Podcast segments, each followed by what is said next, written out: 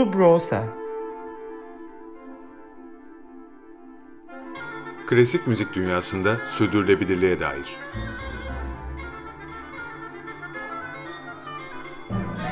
Hazırlayan ve sunanlar Zafer Yenal ve Yaren Eren Budak.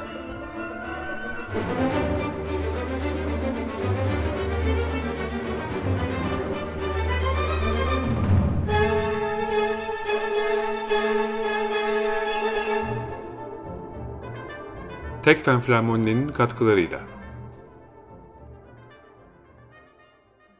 95.0 Açık Radyo'da Subrosa'yı dinliyorsunuz. Programımızda klasik müzik ve sürdürülebilirliğe dair meseleleri konuşuyoruz. Ben Yaren Eren Budak. Ben Zafer Yenal. Sürdürülebilirlik e, haliyle gelecek sorusunu da sürekli gündemde tutan bir kavram. Daha başından beri Subrosa'da klasik müzik alanında bugüne dair konuları konuşurken işte fırsat eşitliği, nitelikli eğitim, liyakat, e, enstrüman yapımındaki değişimler, festivallerin dünü bugünü ne kadar çok konudan bahsetmişiz. Bir yanıyla gelecekle ilgili sorular hep bizimleydi. Farklı sorun alanları üzerinden meseleleri, çözümleri konuşurken aynı zamanda geleceğe dair senaryoları da gündeme getirmeye gayret ettik. Bugünden itibaren çok daha vurgulu bir şekilde klasik müzik alanında geleceğe dair günümüzde öne çıkan eğilimleri, yönelimleri konuşacağız. Geleceğin bestecileri, dinleyicileri e, önümüzdeki programlarımızda ele alacağımız konular arasında. Bugün gelecek konusuna dair e, daha yöntemsel bir perspektiften yaklaşmak istiyoruz konuya.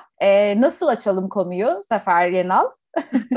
Şöyle olabilir belki. Son yıllarda doğa bilimleri, sosyal bilimler, mühendislik gibi birçok alanda çok disiplinli çalışmaların sayısı, e, yapılma sıklığı e, arttı. E, en azından ben öyle gözlemliyorum. Birçok bilim insanı günümüzün karmaşık, dolaşık e, sorunlarını kavramak ve çözüm üretebilmek için disiplinler arası paslaşmaların, diyalogların, birlikte araştırma ve bilgi üretme pratiklerinin e, yaygınlaşması gerektiğini e, düşünüyor. Mesela sosyal bilimcilerin yaşam bilimcilerle, mimarlarla, bilgisayarcılarla birlikte araştırmalar yürütmesi artık kimseyi şaşırtmıyor. E, mesela küçük bir örnek vereyim yani.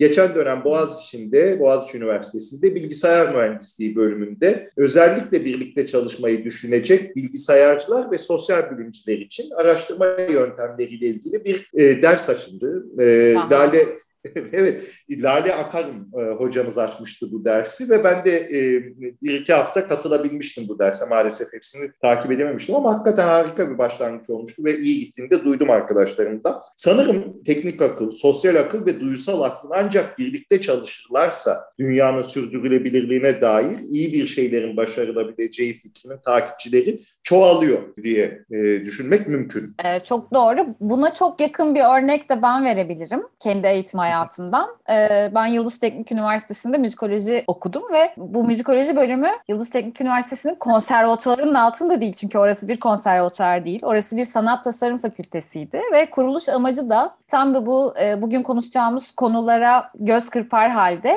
disiplinler arası bir sanat anlayışı vermek üzerine e, yola çıkmış bir fakülteydi burası ve özellikle ilk yıllarında bunu çok iyi sağlamışlar. Fakültenin tüm öğrencilerinin yani yalnızca müzik ve sahne sanatlarından değil, bileşik sanatlar, görsel sanatlar, görsel iletişim tasarımı, fotoğraf ve video, modern dans bölümlerinin tüm öğrencilerinin katıldığı ortak bir ders vardı temel tasarım adında ve her bir hafta bu bölümlerden e, bir başka alandan hoca derse girip kendi alanıyla ilgili bilgiler verip ve dönem sonu içinde e, o alana dair bir proje hazırlamasını istiyordu e, öğrencilerden. E, bu da tabii fakülteye gelen tüm öğrencilerin oradaki tüm alanlara dair fikir sahibi olmasını ve bunun yanında bir de bir network yapmalarını sağlıyordu. İşte mezun olan, oradan mezun olan öğrenci diyelim ki sinema okumuş ve belki de kendi filmine müzik yapacak insanla o ders sayesinde çoktan tanışmış oluyordu. Böyle örnekler ülkemizde de çok e, az sayıda da olsa var. E, benzer çok disiplinli hatta disiplinler arası disiplinler disiplinler arasındaki sınırları aşan e, yaklaşımlara, çalışmalara, işlere, kültür, sanat ve müzik alanında son zamanlarda oldukça sık rastlıyoruz. Daha geçtiğimiz hafta besteci Emre Sihan Kaleli ve Didem Coşkun Seven ile yaptığımız sohbette çoklu işbirlikleri hakkında gayri ihtiyari konuşmaya başlamıştık bile. Bugün Subrosa'da müzikte ve sanatta çok disiplinlilik, disiplinler arasılık konusunu konuklarımızla birlikte ele alacağız. Her iki konuğumuz da bu yaklaşımın en önde gelen temsilciler arasında yaptıkları işle ve tabii bunun yanında düşünceleriyle, sergileriyle ve performanslarıyla. Bugünkü konuklarımız Melih Fereli ve Candaş Şişman. Geçen hafta içerisinde her ikisiyle de oldukça ilham verici, düşündürücü, ufuk açıcı söyleşiler yaptık. En azından bu söyleşilerin bizde yarattığı etkiler bu yöndeydi. Bizi çok etkilediler. O yüzden çok vakit geçirmeden çok da tanıtıma ihtiyaç olmayan bu konuklarımızı sizlere kısaca hatırlatıp söyleşimize geçmek istiyoruz. İlk konuğumuz Melih Fereli olacak. Melih Bey'in e, Türkiye kültür sanat hayatına yaptığı katkıları elbette e, sayarak bitirmek mümkün değil. İKSV'den başlayıp son olarak Arker'e uzanan muazzam bir e, kariyeri var. Ülkemiz kültür sanat hayatının köşe taşları olmuş bu kurumları düşleyen, tasarlayan, hayata geçiren insan olarak Melih Bey'e hakikaten ne kadar teşekkür etsek az. Tabii bir yandan da e, Melih Fereli'nin müzisyen ve e, sanatçı kimliği var. 1979'da Londra Filarmoni Korosu'nda tenor koristliğinin yanı sıra aynı kurumda 1985-92 arasında yönetim kurulu üyeliği yapmış. Melih Bey aynı zamanda iyi bir e, mandolin sanatçısı da. Robert Kolej'de ve sonra Virginia Tech'te e, makine mühendisliği eğitimi e, alıyor Melih Fereli. Ve tabii hala devam etmekte olan yine Arter'deki e, Duyan Gözler için ve Yağmur Ormanı sergilerinin de küratörü Melih Bey.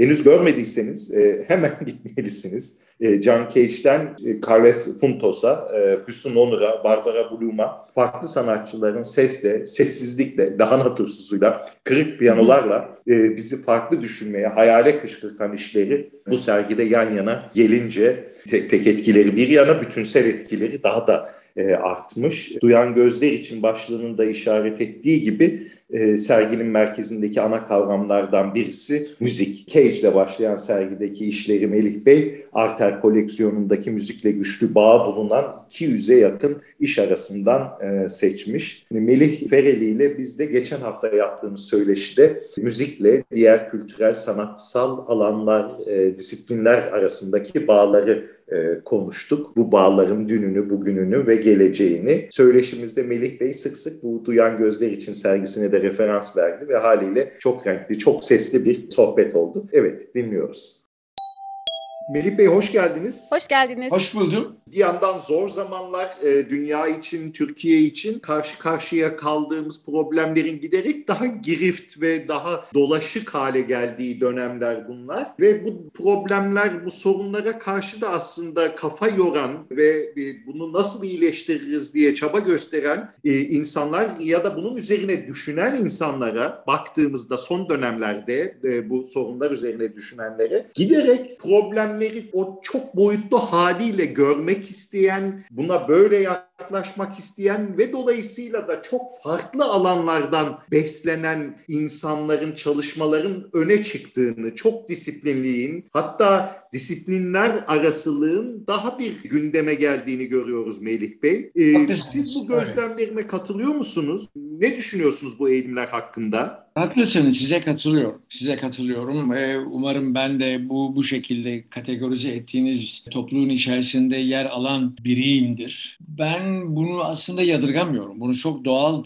Ee, bu arayışların da aslında umarım e, siyasi alana, e, sosyolojik alana, ekonomik boyutlarıyla insana odaklı düşünce sistematiği çerçevesinde uzanmasını e, umuyorum. Umarım böyle olur. E, sanatçılar buna daha çok e, yatkınlar bence. Çünkü hmm. zaten zaten sanatsal üretim aslında şöyle bakacak olursanız diyelim ki 18. 19. yüzyılda operanın bir sanat disiplini olarak bütün sanat disiplinlerini kendi bünyesi içerisinde sergilemeye en müsait bir disiplin olarak temayüz etmesi ve gelişmesinin ardından gelen süreçlerde bir belki ayrışma olduğu disiplinler arasında daha böyle katı bir takım çizgilerle bu ayrışma oldu. Ama daha sonra e, özellikle 60'lardan itibaren bence e, bu ayrışmayı ortadan kaldıran bir e, sınırları aşan, birbirine çok e, geçirgen biçimde etki yapan bir anlayışın e, yerleştiğini gördük. Eskiden, eskiden belki özellikle Paris, Londra gibi merkezlerde veya Viyana gibi merkezlerde ayrı disiplinlerin sanatçıları belki sohbetlerde buluşarak birbirlerine etkiliyorlardı. Ama sonraki aşamalarda bu e, üretim süreçlerine daha yöntemsel bir şekilde, daha sistematik ve metodolojik bir şekilde yerleşti. Katılıyorum. Evet çok doğru söylüyorsun. Peki burada müzik nerede duruyor Melih Bey bu yaptığınız biraz tarihsel olan analiz içerisinde? Ben ben burada biraz ön yargılıyım herhalde. Böyle hmm. suçlayabilirsiniz beni. Ben müzik kulvarından geldiğim için burada ön hmm. yargılama ihtimalimi işaret ediyorum. Hmm. E, müzik her zaman çok kapsayıcı bir rol oynadı. E, evet. Çünkü müzik e, matematik ağırlıklı bir sanat disiplini olduğu için, diğerlerine göre daha matematik ağırlıklı olduğu için belki ve bence daha soyut e, bir genetik dokusu olduğu için müziğin her zaman kapsayıcı oldu. Unutmayalım evet. ki bestecilerin pek çoğu aslında özellikle librettoların yazılmasını dikkate alacak olursanız veyahut e, özellikle Alman şarkı repertuarına baktığınızda veyahut da şarkı repertuarının geneline baktığınızda edebiyatın tabii çok güçlü bir tarafı var. Ben müziğin halen en güçlü e, soyut e, sanat olduğu kanaatindeyim. Müzik deyince de herhalde birçok boyutuyla değil mi? Yani bir ah, yandan tabii, ses tabii. boyutu var, bir yandan tabii, sessizlik tabii. boyutu var. Ee, tabii tabii. Ve... Yani müzik Hı. dediğimiz zaman esasında gürültüyü, sesi ve bunların doğal e, eşlikçisi sessizliği e, ayırmamak lazım. ihmal etmemek lazım. Hatta e, bence bu e, süreç içinde özellikle görsel sanatlarla e, müziğin buluştuğu noktalarda e, sesin hatta objelerin malzeme özelliklerinin, e, gürültünün, sessizliğin e, ve de bunların bir performans bağlamında ele alınış biçimlerinin son derece etkileyici sonuçlar verdiğini gördük. Bunların bazılarını ben e, Arter'deki sergilerimizde e, izleyiciyle buluşturmaya da çalış, çalıştım itiraf edeyim. Peki sizin sizin özelinizde Melih Bey mühendis olmanızın daha doğrusu mühendislik eğitimi almış olmanızın ta en başta biraz önce müziğin o matematiksel tarafından da bahsettiniz. Sizce nasıl bir e, şeysi oldu e, kariyerinize daha sanatsal kültürel e, kariyerinize baktığımız müzisyenlikten efendim yöneticiliğe giden hakikaten muazzam bir, bir kariyeriniz var. Burada bu mühendislik nerede duruyor sizce? Evet, benim kariyerim tuhaf bir kariyer. Ee, babamın bütün itirazlarına rağmen benim müziğe odaklanmam e, evet. tut, tutkumun sonucu oldu ve kararlılığımın sonucu oldu. Bu benim çocukluğumdan beri aslında, yani müzikten bahsediyorum. Çocukluğumdan beri belki de kendimin dahi farkında olmadan e, içselleştirdiği bir tutku halindeydi. Babam bunu bildiği için e, beni daha beş buçuk yaşımdayken elimden tutup koskocaman beyaz bir bina diye hatırladım. İstanbul Radyosu'nun şimdiki binasında o zaman da vardı. Harbiye'deki. Hmm. Oraya götürüp Halil Bedi'yi yönetkene e, audisyona götürmüştü beni baba. Onda da o kadar akıl varmış o zaman esasında. Ama ben e, tabii ki ailemin arzularına karşı çıkabilecek kadar bir dikleşme e, sahibi olmadığı için, terbiyemde de böyle bir şey olmadığı için çok matematik ağırlıkta bir mühendislik dalında okudum. Makine okudum ama makinenin e, çok matematiksel modellemeler üzerine odaklanan bir e, disiplini olan akışkanlar mekaniği ve akışkanlar mekaniği üzerinden daha soyut kavramlara bizi taşıyan bir matematik okudum esasında. Şimdi sorunuza eğer bu uzunca bir e, arka plan açıklamasından sonra gelecek olursam, e, matematik hayatın içinde var olan bir şey. Bizler bunun üzerine pek gitmiyoruz, odaklanmıyoruz belki ama yatsıyamayacağımız en önemli şey hayatımızda ve varoluşumuzda matematik. E, biz matematik üzerinden de biraz matematik bilimine yaklaştığımızda birçok sorunumuzu ve çözümü e, matematiksel yöntemlerle tanımlayabiliyor ve e, bunları ifade ifade edebiliyor. Böyle de bir gücü var matematiğin. Aslında soyut sanatın da böyle bir gücü var. Yani kastedilenin ötesinde yorumları, tartışmaları gündeme getirebilecek gücü var ama tabii ki kendi soyutluğun içerisindeki sistematik ve disiplin mutlaka sizin e, hayatın başka kulvarlarına bakışınızı da etkiliyor. Ee, burada benim iş yapış biçimim bir herhangi bir hayalimi büyük hayalimi dahi e, acaba bir gerçeğe dönüştürebilme sürecinde ne gibi evrelerden geçmem gerekeceği bağlamında son derece disiplinli bir insan yaptı, metodik bir insan yaptı. E, ben bunun çok yararını gördüm. İtiraf edeyim. Hiçbir zaman mühendislik yap, yap, yapmadım. Mühendis diyemem kendime. E, ama bir matematikçi rahatlıkla diyebilirim. Ve bunun benim e, hayatımın her e, kulvarına bakışımı, sanat da dahil olmak üzere e, çok etkilediğini söyleyebilirim. İyi bir şey. Her gence tavsiye ederim. Biraz da e, şunu merak ediyorum. Müzik eğitimi, enstrüman eğitimi alan pek çok insan aslında normal şartlarda sonunda 20. yüzyıl müziğini ve 20. yüzyıl sanatına çok da kolay merak salmıyor. 20. yüzyıl sanatı da oldukça disiplinler arası e, sizin geçmişinizde olan bu matematiği de çok fazla kapsayan, doğa bilimlerine çok fazla göz kırpan bir e, yaklaşım içeriyor. Sizin 20. yüzyıl sanatına merakınız e, ne zaman ve nasıl gelişti? E, benim 20. yüzyıl sanatına merakımı tetikleyen esasında tabii ki ailem öncelikle ama esas tetikleyen e, müzikle haşır neşir oluş e, sürecimde e, benim hayatıma girme şansını yakaladığım e, büyüklerim, hocalarım, mentorlarım. E, hı hı. Eğitim bence çok önemli. Ben Alman disipliniyle yetişmiş bir insanım. Her ne kadar sonradan bu Alman disiplini beni çok katı yapıyor galiba birazcık Anglo-Sakson esnekliğinden de bir şeyler tatsam iyi olur dedim ve e, deyip deyip e,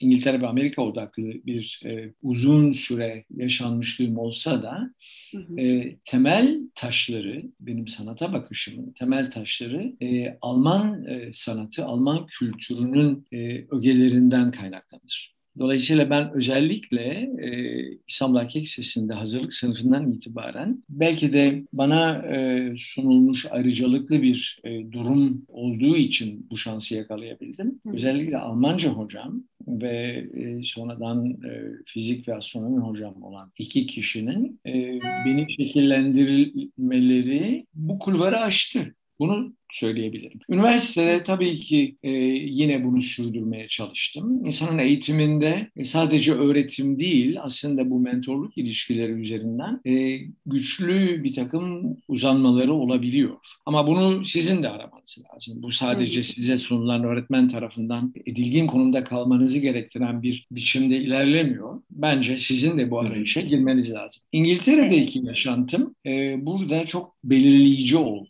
Çünkü e, intisap ettiğim kurum e, sadece müzik yapan bir kurum değil. Müzik üzerinden e, tiyatral uzantılar, e, büyük performanslar, e, hatta popüler, popülist demeyeceğim, popülist değildi çünkü ama popülerlik içeren takım projelerin içerisinde de yer alma şansları ve bu kulvarlarda tanıdığım e, müzik dışı disiplinlerden gelen sanatçıların e, dostluğuyla e, hayatımın bezenmiş olması e, aslında bir ödül. Ben bu katmanları yaşadıkça merakımı daha canlı tutabilme akıllılığını belki gösterebildim. Tevazudan uzak konuşuyorum, beni bağışlayın. Ama bu bir bu bir akıl ve duruş da istiyor. Yani karşınızda evet. bir fırsatın geldiğini e, görmeniz lazım. Aksi, aksi takdirde o bir tesadüf olur. Karşılaşırsanız bırakırsınız ama arkasından takipçi olur ve o merakınızı derinleştirir. E, sizin karşınıza çıkan çok önemli bir yazarın, çok önemli bir belki ressamın diyelim veya heykeltıraşın veya bir bestecinin veya bir e, film yapımcısının peşinden giderek o ilişkiyi e, sizin e, sanata bakışınızı derinleştirecek bir şekilde takip edici oluşunuz ve sonra bunu özümsemeye yönelik bir takım matematik anlayışıyla yöntemlere sadık kalarak e, çalışmanız e, bence bunu size kazandırıyor. Bana da öyle kazandırıyor. Ben çünkü sanat tarihi okumadım. Üstelik ben müziği de e, çok az bir konservatuvarlık e, tecrübem var. E, liseyi akademik kulvarın baskısı nedeniyle götüremeyeceğim endişesiyle ben konservatuvarı yarım bıraktım. Dolayısıyla bir enstrüman üzerinden de eğitilmediğim için kendi sesim, kendi bedenim bende daha çok önem kazandı. Aslında bir dezavantaj diyebileceğimiz bir durum e, benim açımdan daha başka türlü bir evrilmeye yol açabilecek bir fırsat yarattı bence. Çok doğru. Hmm. E, zira konservatuar eğitiminizi tamamlasaydınız belki de e, üstelik bunu Türkiye'de yapsaydınız pek çok konservatuar 20. yüzyıl müziğinin çok da içine derinlemesine dalmadan öğrenciler yetiştiriyor. Doğru. E, doğru. Evet yani konservatuvarlarınızdaki anlayış veya okullarınızdaki anlayış daha çok müfredat odaklı. Hı hı. E, yetenek yetenek odaklı olması gereken bir takım dersler tabii ki var. Ama e, burada Boyce'yen bir e, yaklaşımı ben daha çok önemsiyorum. Yetenek önemli ama Boyce diyor ya benim sergimde de e, hatırlatmak isterim. E, klavye oksijenin arkasındaki o yeşil tahtanın üzerindeki yazı mealen anlatacağım. E. Yeteneğin yarata, yaratı süreçlerinde yeteneğin taşıdığı e, yükü e, yeteneğin üzerinden almak gerekir e, önde gelmesi gereken fikirdir. Fikriniz olmadığı takdirde yeteneğiniz bir repetitif, mekanik bir şekle dönüşebilir büyük bir ihtimalle. Esas fikirle yeteneğin buluşmasının sonucundaki olgu e, insanlara heyecan verici bir e, etki yapıyor tabii ki yetenekten bahsettik. Daha önce soyut düşünmeden bahsettiniz. E, bu e, aldığınız eğitimin bundaki öneminden, disiplinden bahsettiniz. Şimdi gene bu e, çok disiplinli çalışmalara baktığımız zaman orada benim karşıma şu çıkıyor bir yandan da. Yani bir ikilem diyelim, e, bir teknik, Hı-hı. bir mevzu, bir yandan da daha kavramla alakalı bir evet. e, süreçte evet. işliyor.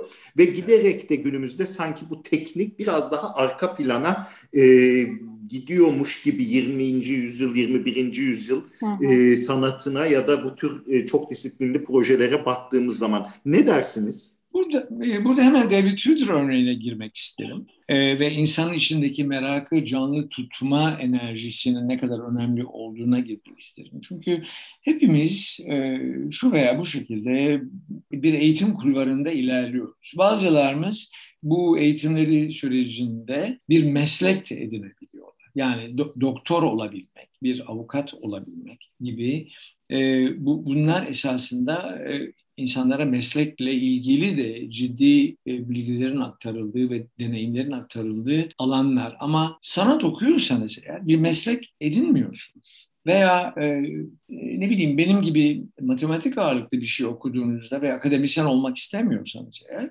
e, hmm. ve makine mühendisliği de yapmayacaksanız, makine mühendisliği yapmak üzere de yetiştirilmiş olsanız onun da hangi kulvarında nasıl bir tecrübe edineceğiniz sizin seçimlerinizi ve hayatın size getireceği yaşam biçimine bağlı bir şey. Yani üniversitelerimiz keşke e, üniversitelerimiz ve müzik okullarımız e, insanları daha çevreleriyle ve varoluşu nedenleriyle duyarlı bir metodoloji içerisinde ve müfredat içerisinde ele alsalar. Daha çok yönlü, biraz böyle e, Amerikan üniversitelerinde ilk iki sene vardır ya e, bir liberal college giderseniz daha özgür bir eğitim. Çok böyle her çiçekten bir, bir parça bir koku alabilmek, bir tad alabilmek tarzında belki basitleştirerek anlatabilirim. Bu e, sizin kendinizi de o genç yaşta e, daha iyi tanımanıza yol açan bir yöntem.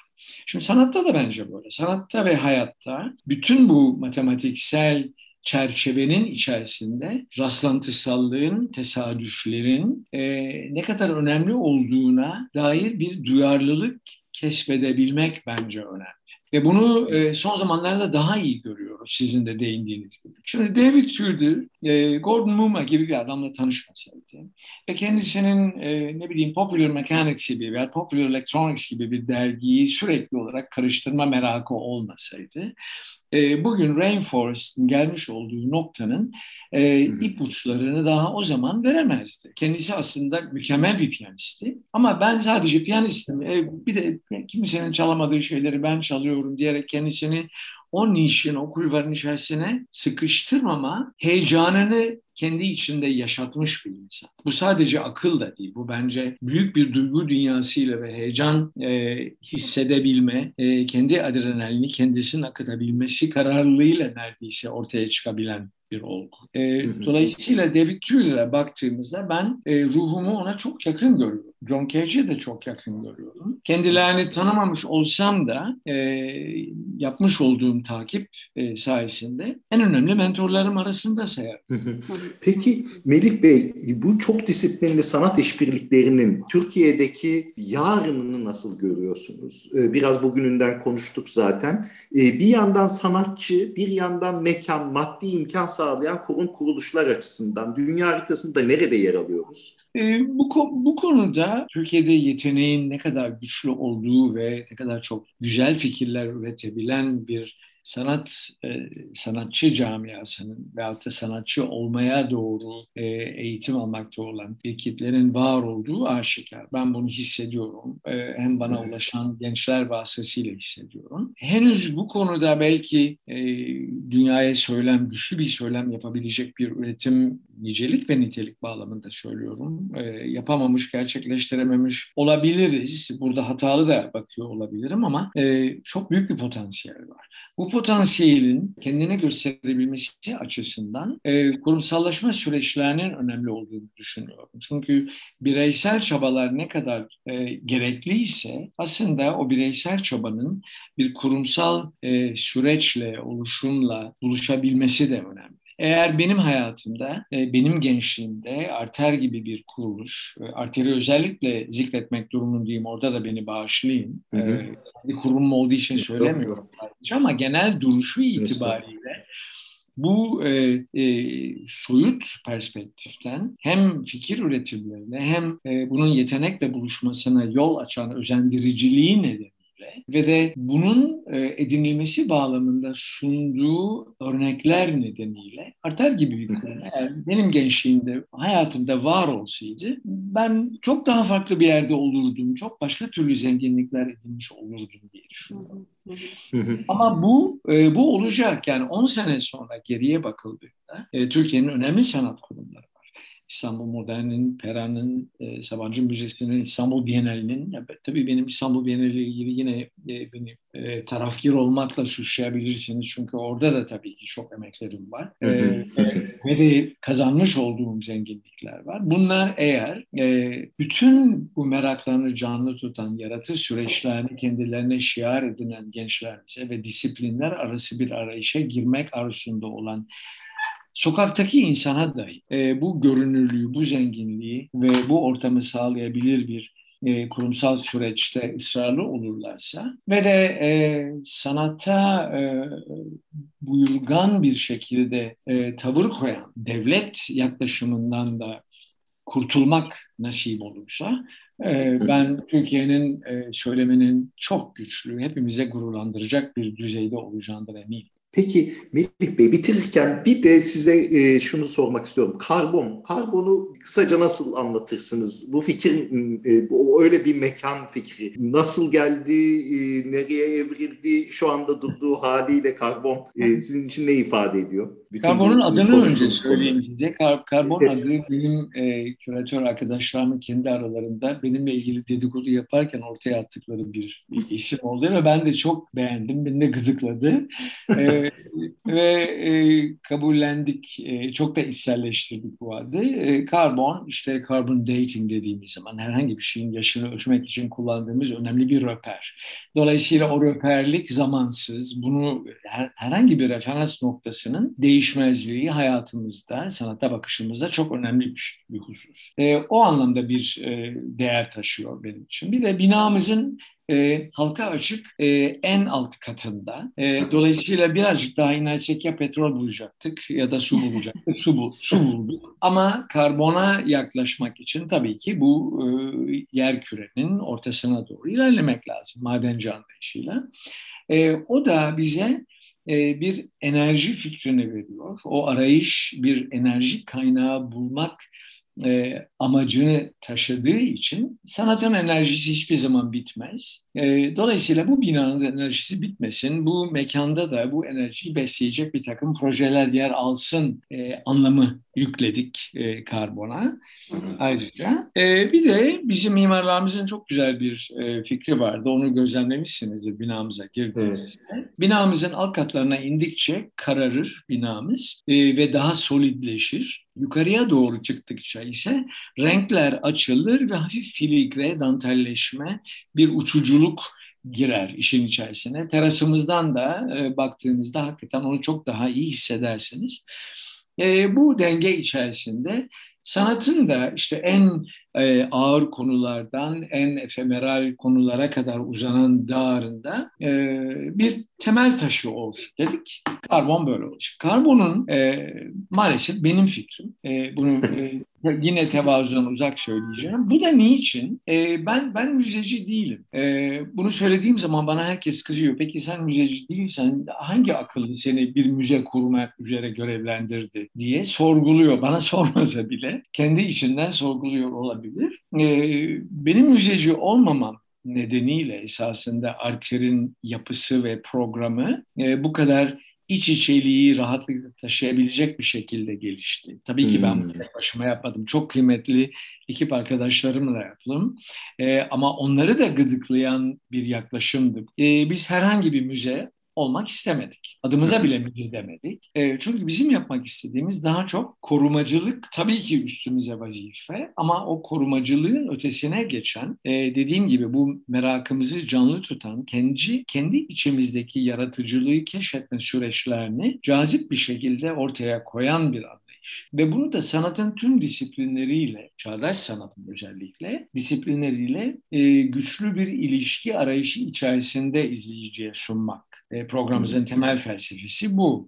E, pek çok müze e, kendi programı içerisinde bunları yapmaya çalışmaya başladı. Fakat e, bizden çok daha yaşlı olan ve yerleşik düzene geçmiş olan kurumların en büyük engeli bunları gerçekleştirebilmek için gerekli olan teknik altyapıya da sahip mekanlara sahip olmamaları. Hmm. Bizim orada e, aklımız tabii çevremize birazcık duyarlı olup onların ne sıkıntılar çektiğini anlayabilmek, onu yorumlayabilmek ve sonunda e, bunların üstesinden gelebilmek adına ne gibi mekanlar oluşturmamız gerektiği konusunda bizleri dinleyen şahane bir mimarlar e, ekibiyle çalışmış olmamız. Temelinde bunun yatan ise benim müzikten geldi. Eğer ben müzeci olsaydım, ya müzede acaba buna gerek var mı? Ben buraya bir tane daha konservasyon laboratuvarı kursam, bir tane daha galeri kursam, kursam demek baskısını içimde çok canlı tutardım büyük bir ihtimalle. Bunu bir eleştiri olarak söylemiyorum. Sakın bizi dinleyecek olan müzeci arkadaşlarım alınmasınlar. Ee, ama müzeci olmamak bana aslında müzeciliğe daha farklı bakma şansını verdi. Dolayısıyla bu çok disiplinlilik zaten benim ruhumda yaşayan bir şey ve benim tecrübemde olan bir şey. Doğal olarak gerek sevgi gönül ama gerekse karbon, karbon çok daha güçlü bir şekilde dünyanın hiçbir müzesyenin sahibi olmadığı bir yapıyla oluştu. Ee, çok da mutluyum çünkü sadece performans sanatları e, veya sahne sanatları veya müzik açısından değil, klasik sanatlar açısından da Yağmur Ormanı'nda görüldüğü üzere evet. ve bundan sonra bundan sonra planladığımız bir takım başka ses ve görsel odaklı veya sessizlik odaklı projelerimizde e, namütenayi imkanlar tanıyan bir mekana kavuştuk. E, bu hakikaten e, dünyada bir tane. Çok da güzel bir şey oldu. Çok çok. çok. Enerjiniz de e, sanatta hiç bitmesin. Şahaneydi. Çok çok teşekkürler. Eksik olmayın. Benim, çok, benim çok teşekkür ederim. Çok, çok mutlu oldum. Dinleyicilerimize de umarım e, keyif alabilecekleri bir sohbet yapabilmişizdir.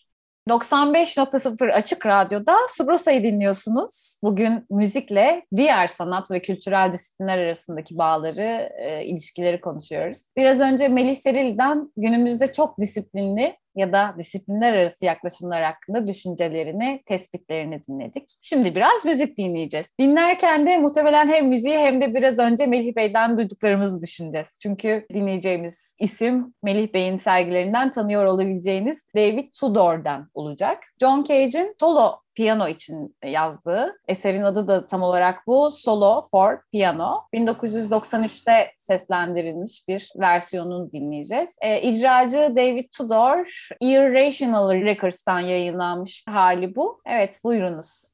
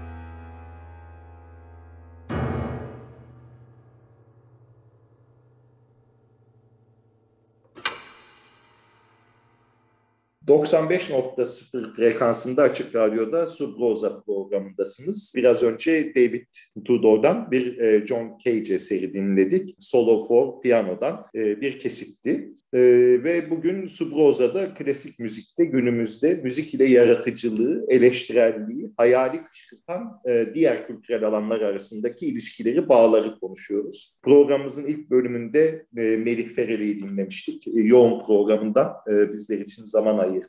Kendisine tekrar çok teşekkür ediyoruz. Şimdi sırada genç jenerasyondan biri e, Candaş Şişman var. E, Candaş Şişman'ın görseli, sanatı, teknolojiyi, tasarımı ve müziği bir araya getiren çalışmalarıyla, işleriyle tanıyoruz. E, çoklu duysal enstalasyonlar ve deneyim tasarımı yapan kendi ifadesiyle çok disiplinli bir sanatçı. E, no Lab ve e, Nos Visuals gibi e, disiplinler arası sanatsal kültürel inisiyatiflerinde kurucuları ve üyeleri arasında yer alıyor Candaş Şişman. Geçen hafta Candaş Şişman'la e, İzmir e, Anadolu Güzel Sanatlar Lisesi'nde başlayan, daha sonra Anadolu Üniversitesi Güzel Sanatlar e, Fakültesi animasyon bölümünde devam eden e, ve Atina Operası'na kadar e, aslında e, süren e, ve de hali hazırda da yine başka birçok e, projeyle e, bizlerle birlikte olan sanatsal ve işitsel yolculuğunu konuştuk. Yine oldukça ufuk açıcı bir söyleşi oldu. E, dinliyoruz. Hoş geldin Candaş. Hoş geldin Candaş. Selamlar, çok teşekkürler davetiniz için. Biz teşekkür ederiz. Bugün disiplinler arasılık konuşacağız. Ee, daha çok klasik müzik ekseninde konuşacağız ama tabii ki adı üstünde disiplinler arasılık e, dokunmadığı çok az yer var. Ve bu konuya biraz kişisel bir yerden girelim isterim önce Candaş. E, ben seni senin işlerini seneler önce yanlış hatırlamıyorsam 2010'da Yekpare işiyle Haydarpaşa'daki mappingle. Seninle ilgili hatırladığım ilk şey o. O günden bu yana da pek çok Sound Art Festivali'nde audiovisual işlerin olduğu bir sürü platformda hem yurt içinde hem de yurt dışında birçok evet. e, sanat festivalinde, Çağdaş Sanat Festivali'nde hem adına hem de işlerine çok fazla rastladım. Birlikte çalıştığın insanlara şöyle bir bakınca işte Osman Koç, Bager Akbay, Erdem Dilbaz e, bunların hepsi de yine disiplinler arası çalışan insanlar. Birlikte çalıştığın kolektifler de ya da topluluklar da yine e, kafası böyle çalışan, işlerini hep başka disiplinlerle top e, alıp vererek yapan topluluklar diyelim. Senin kişisel yürüyüşünde ne seni disiplinler arasılığa getirdi? Yani bir insan nasıl hem görsel materyal üretmek konusunda hem de ses üretmek konusunda bu kadar e, uzmanlaşabilir aynı anda? ya uzmanlık demeyelim de şey yani birazcık bakış açısı e, aslında ve algılama biçimi daha çok. Çünkü e, organik de bir süreç olarak ilerledi. Bu süreç çok hızlı bir giriş olacak ama böyle çocukluğumdan bir şey anımı yani deneyimimi paylaşmak istiyorum. İşte annemin tabii ki de e, anlatmasıyla e, biliyorum ben de. Ben 5 yaşına kadar falan konuşmamışım. Yani e, konuşamamışım. Artık bilinçli bir tercih miydi bilmiyorum tabii de. E, konuşamamışım ve isteklerimi sonuçta bir şekilde ifade etmem gerekiyor dışarıya. İşte hani su istiyorum ya da işte tuvalete gitmem gerekiyor falan gibi. Bunların hepsini ses efektleriyle, ağzımla çıkardığım aslında ses efektleriyle veya işte oraya buraya parmaklarımı sürterek çıkardığım gıcırtılarla falan filan ifade etmişim. Mükemmel. Yani dolayısıyla Evet bunu ben duyunca hani sonuçta bazen şey olur ya bir şeyi yaparsın ama hani onun tam olarak nedenini saptayamazsın. Hı hı. Ama aslında geçmişten gelen ve kendimi farklı yani öğretilmiş yapılar dışında farklı ifade biçimleri üzerinde aslında kafa yormuşum ve aslında e, bakış açımda bütünsel bir bakış açısı olmuş. Çünkü aslında zamanında bunun için e, nasıl diyeyim ihtiyaç dahilinde de belki çıkmış olabilir.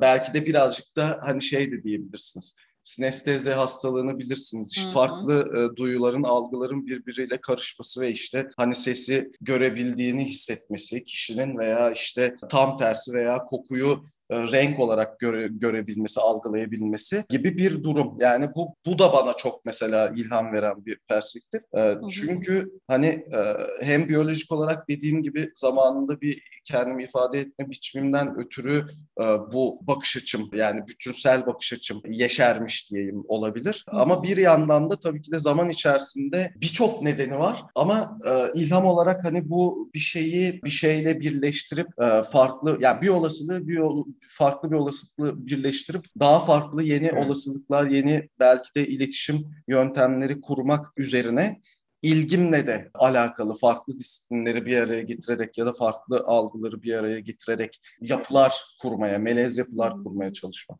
Teknoloji nerede giriyor işin içerisine? Çünkü senin işlerine baktığımızda hakikaten bu da çok önemli şeylerden bir tanesi. Bir yandan tasarım boyutu var, bir yandan da çok ciddi bir teknoloji kullanımı da var. E, bu bu bu, bu teknolojiyle olan özellikle işte daha elektronik, daha dijital kanallarla e, iletişim ilişkin ilişkin e, nasıl ortaya çıktı, nasıl gelişti? O zaman şöyle bahsedeyim. Lisede ben Güzel Sanatlar Lisesi okudum. Daha geleneksel bir işte resim eğitimi e, aldım İzmir'de ve daha nasıl diyeyim daha statik imge tasarımları üzerine işte hani desendir, işte tuval üzerine yağlı boya veya akriliktir gibi o tür e, bir deneyim yaşamıştım lisede. Fakat bu benim tam olarak e, yapmak istediğim şekilde bir şey olmadığını düşündüm ve hani lise işte lisenin ortasında veya sonlarına doğru çizgi film animasyon diye bir bölümü keşfettim ve tabii ki de çizgi film animasyonun içerisinde e, birçok e, disiplin var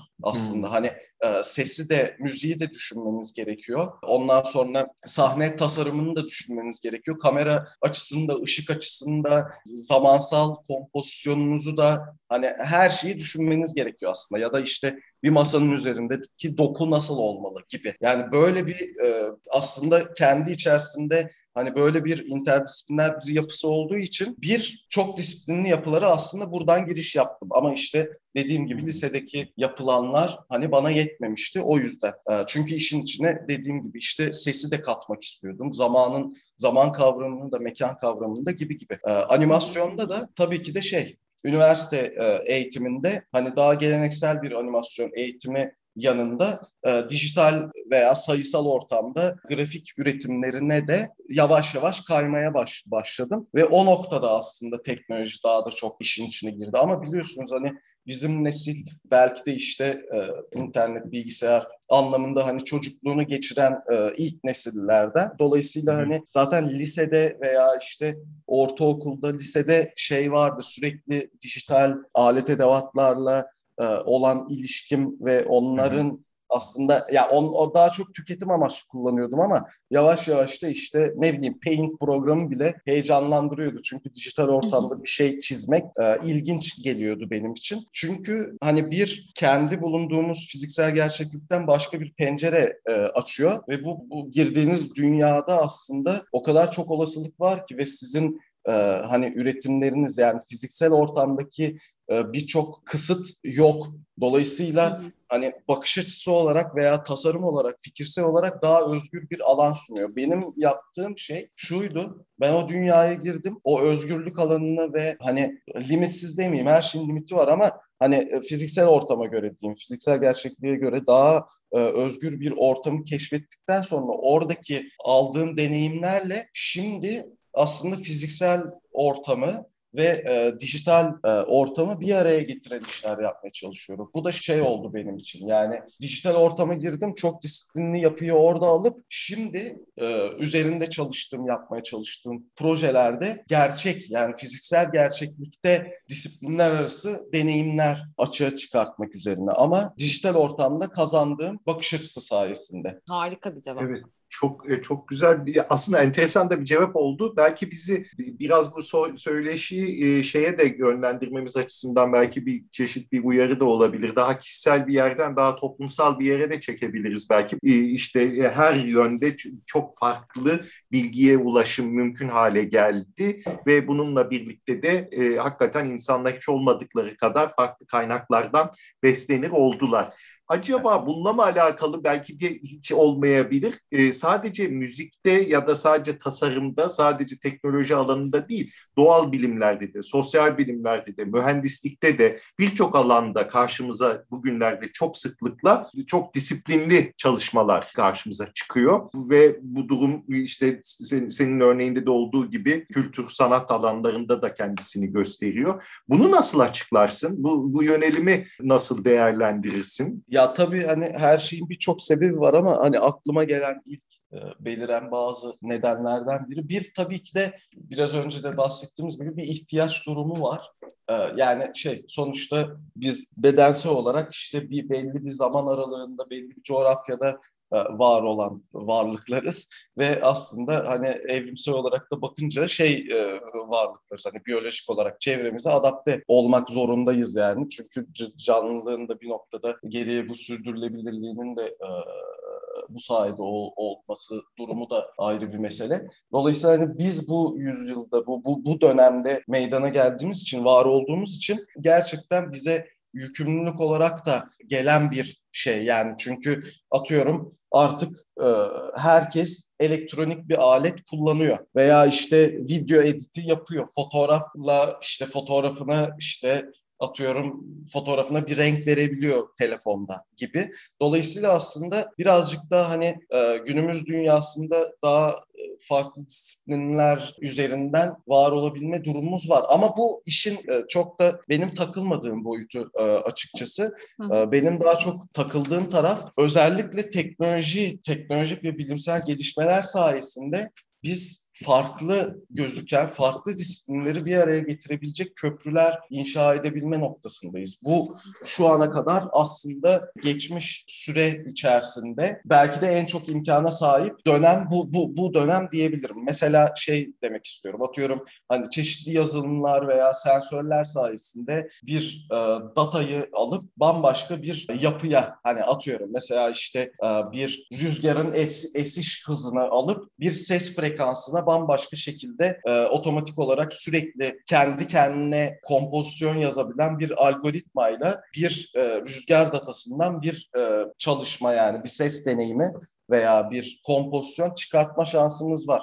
Hani dolayısıyla her şeyi her şeye dönüştürebilme imkanımızın e, şu an varlığından dolayı bence daha çok tabii ki de işte hani benim gibi düşünen daha farklı disiplinleri bir araya veya daha farklı algıları bir araya getirip daha çok olasılık açığa çıkartmaya çalışan insanlar için çok büyük bir e, nimet bu. Yani bence işte teknolojinin burada çok tabii ki de e, rolü var diye düşünüyorum. Evet, e, tam da yeri geldi diye düşünüyorum. Biz yaklaşık 17 bölümdür Zafer Hoca'yla kime NFT'yi sorsak diye bekliyorduk.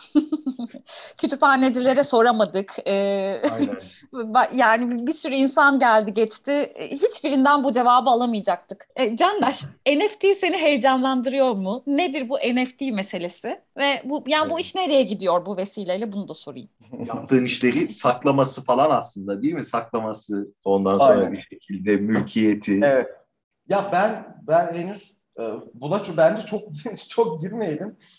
Program gitmeyebilir. Sadece çok kısa bir şey söyleyeceğim. Ya ben henüz daha o, o dünyayı yani takip ediyorum, girdim şey e, girmedim tam olarak ama ya bu biraz uz- uzun bir konu. Ya dezavantajları var, avantajları var. Böyle ortalık pazar yerine döndü mesela hani eleştirel anlamda e, yaklaştığım zaman bunu söyleyebilirim. Çok kötü içerikler var. Çoğu kötü içerik gerçekten filan falan bunları geçiyorum. Hani tasarım sanat olayı bence daha çok çoğu yüzde doksanı tasarımsal e, işler falan filan. Bunları geçiyorum ama Hı. yani avantaj olarak şunu söyleyebilirim. İşte kesinlikle hani bu fiziksel ortamdaki bir nesne veya işte çalışmanın algılanabilmesi veya ona katılan, tanımlanan değer meselesi dijitalde daha önce yoktu. Yani dijital sadece böyle bir JPEG veya işte bir imaj böyle hani e, çok bir değeri yoktu. Benim benim için de sonuçta ben de kaç senedir dijital e, dünyalarla haşır neşirim. Bunun üzerinden de sanat çalışmaları da e, yapıyorum. Hı. En önemli getirisi aslında bu dijital ortamda da artık e, hani tek biricik olma e, imkanı sağlayan bir teknoloji sundu. Dolayısıyla dijital dünyada üretilen şeylerin değeri e, normal olarak arttı. Ee, çünkü biriciklik meselesi girdi devreye. Yani bu, bu açıdan baktığımız zaman hani gerçekten dijital sanat anlamında mesela özellikle çok çok getirisi var.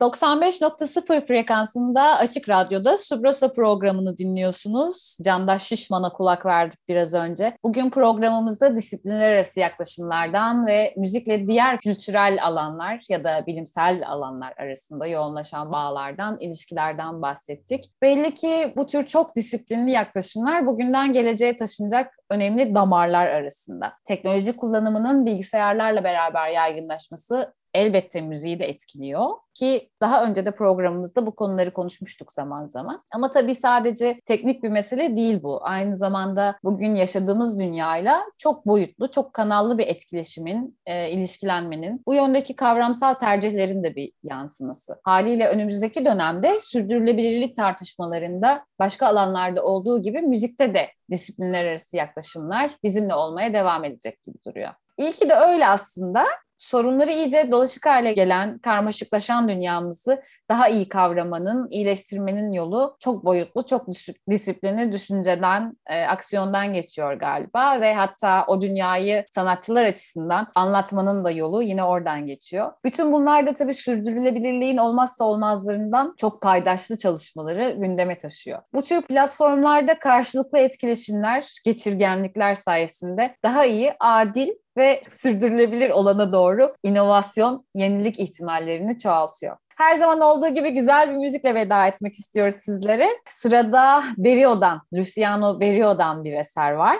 İtalyan besteci Berio'nun hangi yapıtına yer vereceğimize karar vermek kolay olmadı. Berio pek çok yapıtında çağdaş edebiyat unsurlarını müziğinin ayrılmaz bir parçası olarak kullanır zira. Metin onun müziğine yalnızca eklemlenmez, metin melodileştirilmeksizin onun müziğinin bir katmanıdır. Bu yanıyla Berio 20. yüzyılın müziğinde metin kullanımı konusunda kendine özgü bir yer tutar. 20. yüzyılın başlarında ortaya çıkan metin sanatının yani text art'ın e, müzikteki karşılığı olan metin müziği yani text müzik diye adlandırılan türden bahsedildiğinde akla gelen ilk isimlerden birinin Berio olduğunu rahatlıkla söyleyebiliriz. Gelelim sinfonyaya. E, bugün dinleyeceğimiz yapıt Sinfonya. Bu yapıt da pek çok edebi ve müzikal gönderme içeriyor. Müzik küratörümüz Sibyl Arsanya'nın tam da buna işaret eden notunu sizlere de iletmiş olalım. Eserimiz hem Berio'ya hem de neredeyse herkese ait. Sinfonya'nın içerdiği melodik unsurların pek çoğu bir takım bestecilerin önde gelen yapıtlarından alıntılanıyor. Debussy, Ravel, Stravinsky, Brahms, Hindemith. Sinfonya'yı dinlerken her an örneğin bahar ayininden bir tema duyabilirsiniz. Yapıtın metni de yine alıntılarla dolu. Kulağımıza sıklıkla antropolog Levi Strauss'un sözlerinin fısıldandığını ya da konuşulduğunu ya da yer yer bağırıldığını duyarız. Samuel Beckett, James Joyce ve Mayakovsky de e, yine alıntılanan edebiyatçılardan. Ne kadar zengin bir kadro değil mi? Sizi yeterince heyecanlandırmayı başardıysak hemen Sinfonya'yı dinlemeye başlayalım. Şimdiden herkese iyi, sağlıklı, müzikle ve güzel seslerle dolu bir hafta diliyoruz. Hoşçakalın, sağlıcakla kalın.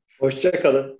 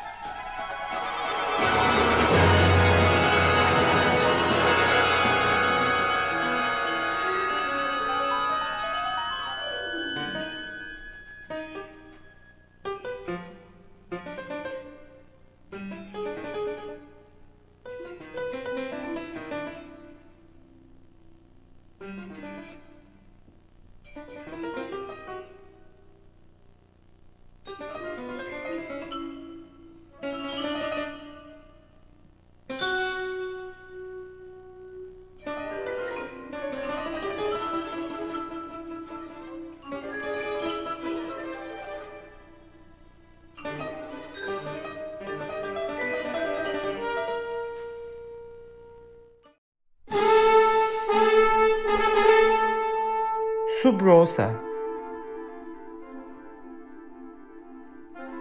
Klasik müzik dünyasında sürdürülebilirliğe dair.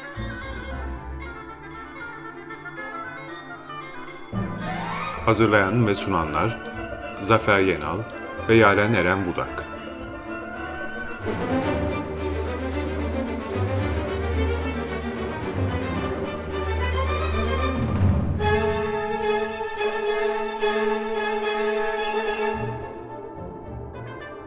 Tekfen Flamoni'nin katkılarıyla